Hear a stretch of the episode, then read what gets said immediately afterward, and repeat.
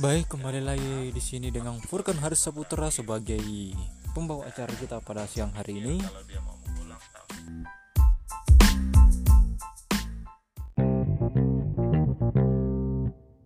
Iya,